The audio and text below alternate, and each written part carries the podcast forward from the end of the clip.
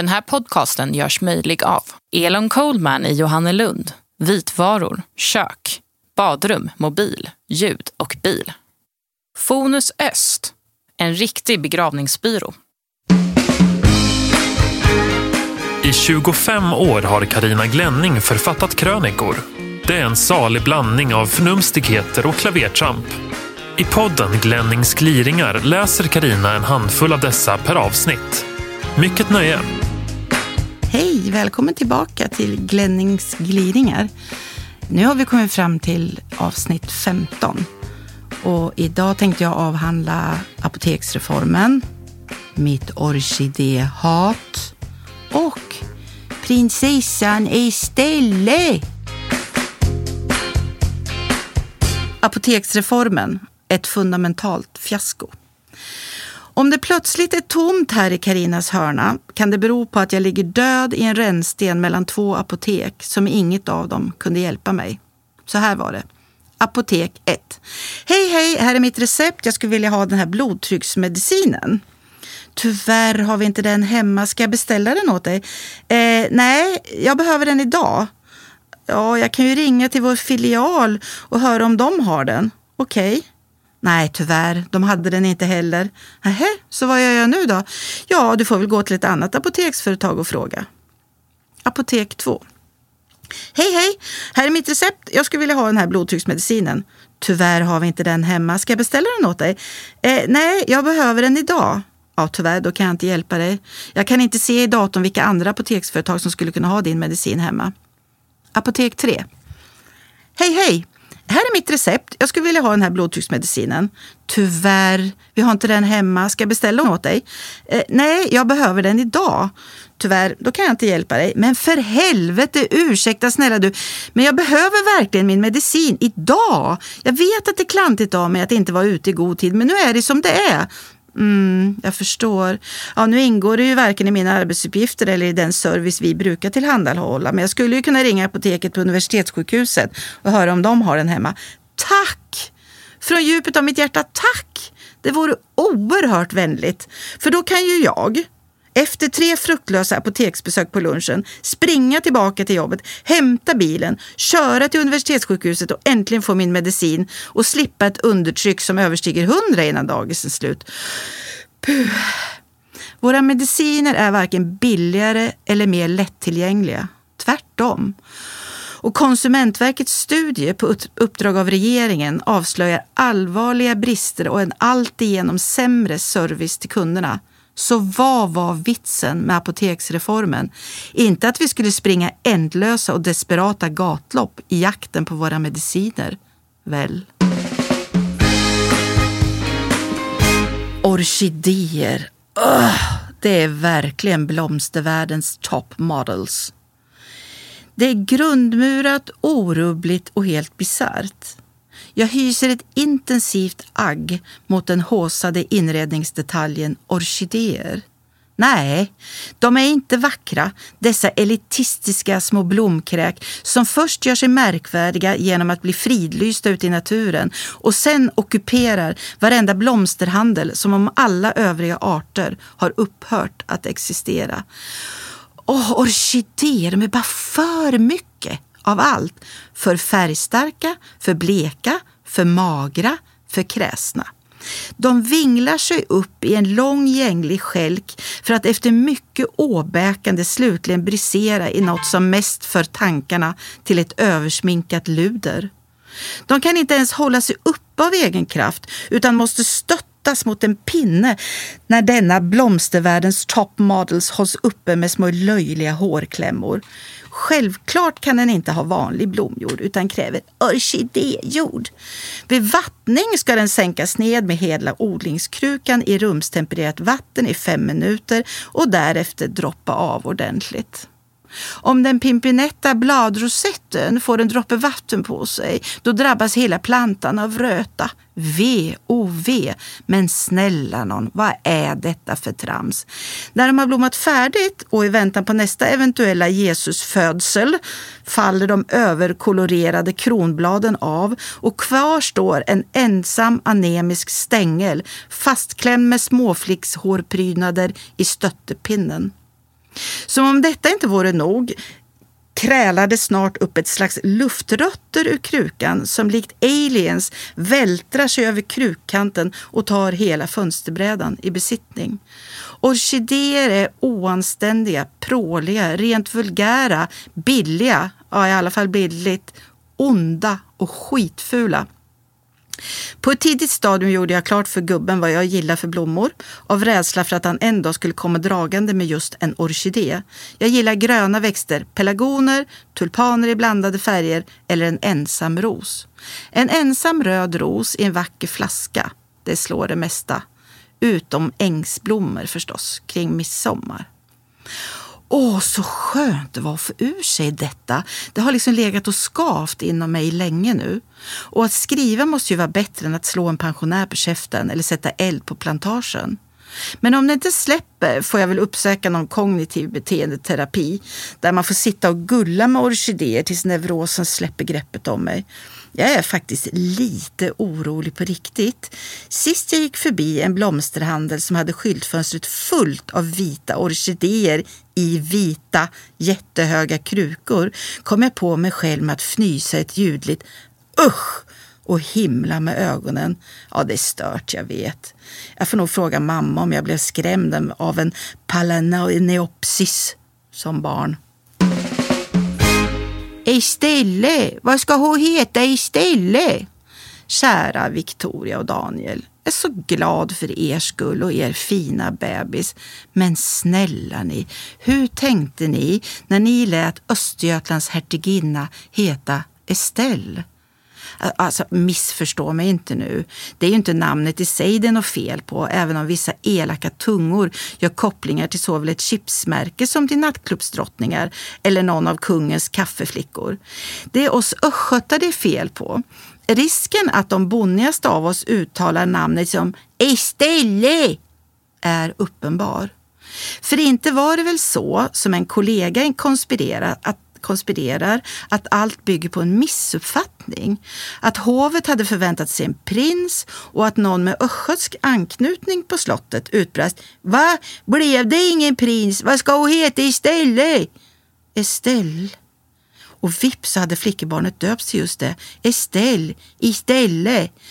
Eller var hovet så förutseende att de tog med förra veckans rivning av jättesilon och kvarnen i Mjölby när namnfrågan penetrerades?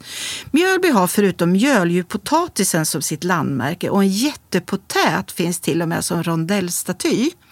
Efter rivningen av kvarnen kan man förmoda att potatisen får en mer framskjuten position som stadens symbol. Nu framstår kopplingen mellan prinsessans namn, snarlikt ett chipsmärke, och Östergötland som potatisens mecka i klart ljus. Estelle, vår egen potatisprinsessa. En som visserligen fick göra avbön, men som var förfärligt upprörd när Estelle tillkännagavs, det var populärhistorikern och royalisten Herman Lindqvist som hade väntat sig ett glansfullt namn med kungliga traditioner och med ställ dundrade han, som namnet på en nattklubbsdrottning, ett namn som leder mot en utflackning av det svenska kungahuset.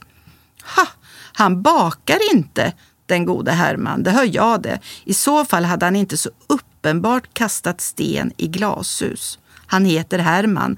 Men Herman är också namnet på en surdegssockerkaka som likt ett kedjebrev hejvilt delas mellan ungar i mellanstadieåldern. Herman, alltså surdegen, kräver mer omvårdnad än ett ordinärt spädbarn och gör vilken förälder som helst nervös för att taga den lilla degklumpen av daga genom att inte mata den med socker enligt ett rent fascistiskt schema som bär den vidhängande varningen om surdegen slutar bubbla är Herman död. En god, men ändå en simpel kaka. Inte ett uns bättre än chips. Nej, hörni, låt oss trösta oss med att det alltid hade kunnat vara värre. Prinsessan Estelle kunde ha fått Rut och Ragnhild som andra namn. Rut Estelle Ragnhild! Mer östgötsk hertiginna än så, det kan det liksom inte bli.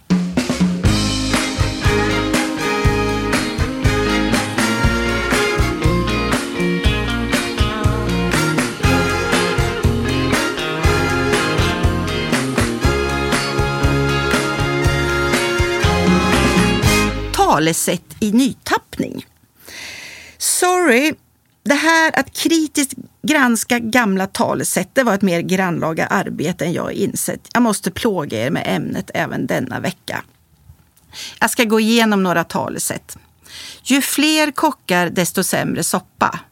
Ja, ju fler kockar i denna sabla tv-soppa, desto mindre lust får jag att laga mat. Och när jag ser hur ondsint Per Morberg kan vara i Mästerkockarna så ångrar jag att jag hånglar med honom i en garderob i min ungdom.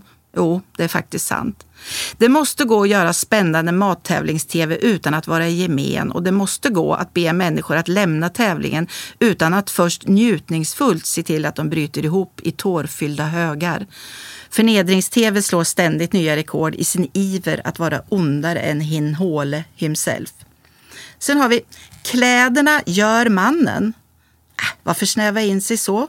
Utan kläder går väl också bra? Köp inte grisen i säcken. Alltså en hopplöst omodern uppmaning. Innehållsförteckningen säger nu för tiden väldigt lite om det verkliga innehållet. Förmodligen är det rumänsk kuse du har släpat hem oavsett vad det står på förpackningen eller säcken. Som ett brev på posten. Ja, det avser ju någonting som kommer på beställning och med hög hastighet. Ja, det får nog bytas ut mot som en regnskur lagom till midsommarsillen. Det går som tåget. Eh, det vill säga inte alls. Låt inte vargen vakta fåren. Och låt för jösse namn inte Norrlandsjägarna vakta vargen. Alla vägar bär till Rom. Nej, äh, till Ullared menar de väl. Man lär så länge man lever. Inte alla. Om kvällen får den late brott att logga in på Facebook. Upprepning är all inlärnings moder. Tröstrika ord för en tidningsredaktion som visst råkade berätta exakt samma sak på två olika platser i tidningen. Små grytor har också öron. Nix, de nya för induktionshällar har det inte. Spill inte krut på döda kråkor. Nej, gör som en oshörningsunge Nelson istället och kör dem till Gärstaverken så att de kan bli fjärrvärme. Linköpings kajor och kanadagäss borde kunna värma hela city. En dålig hantverkare klagar på sina verktyg. Och en ännu sämre ställer in sina verktyg i en skåk och sen ser man inte röken av karn på tre veckor. Tänd inte den eld som du inte kan släcka. Och hur i herrans namn ska man kunna veta det i förväg? Som man bäddar får man ligga. Mm. Få ligga är för ungdomar något helt annat än att sova och har väldigt lite med själva bäddningen att göra. Jag föreslår en modernisering som harmonierar med med vår tid. Typ, sköter man sina kort, ja då får man ligga. Vägen till mannens hjärta går via magen. Oops, siktade vi inte lite högt där? Kasta bör man, annars dör man. Eller? Jag tar här med storsint på mig uppgiften som landets MAMO. Som ny matmorsombudsman bestämmer jag följande. Datummärkning på mat förbjuds. Folk ska tvingas lära sig att vi har sinnen. Jag talar inte om lättsinne eller storhetsvansinne utan om lukt, smak och syn. Sinnen som på sina håll har somnat in och behöver återuppväckas. Hälften av all mat som produceras i Sverige åker i soptunnan. Det handlar om många ton och miljarder.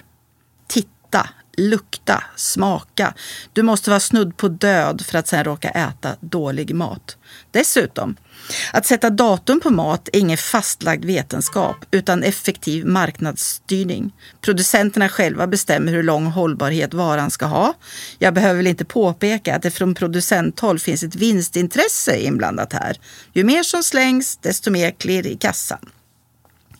Aftonbladet lyckades för några år sedan från producenterna lirka fram mer sanningsenliga hållbarhetstider och kom fram till mjölk håller upp till en vecka och ännu längre efter bäst före-datumet om den förvaras kallt.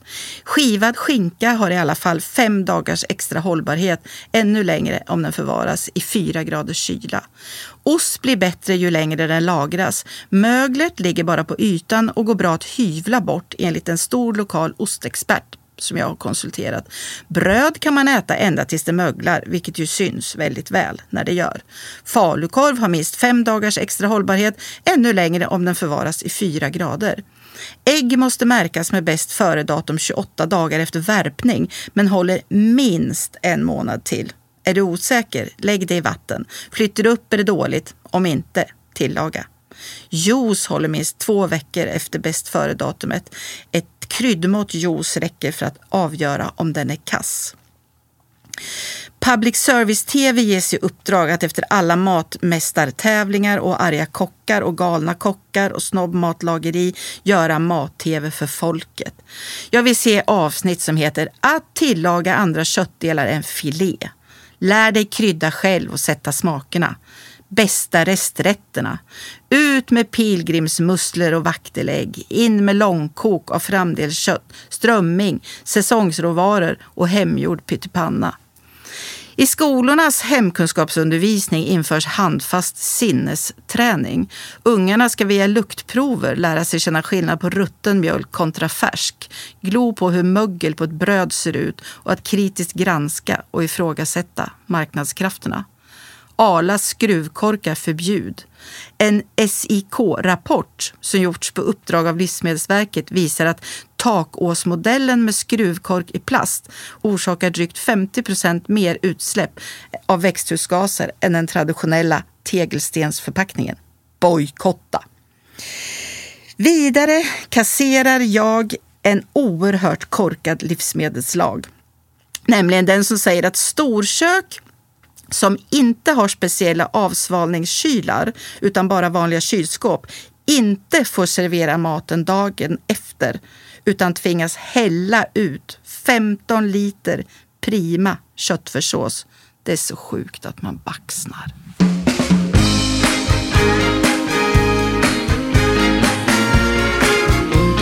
Du har lyssnat på Glennings gliringar. Ansvarig utgivare Christer Kustvik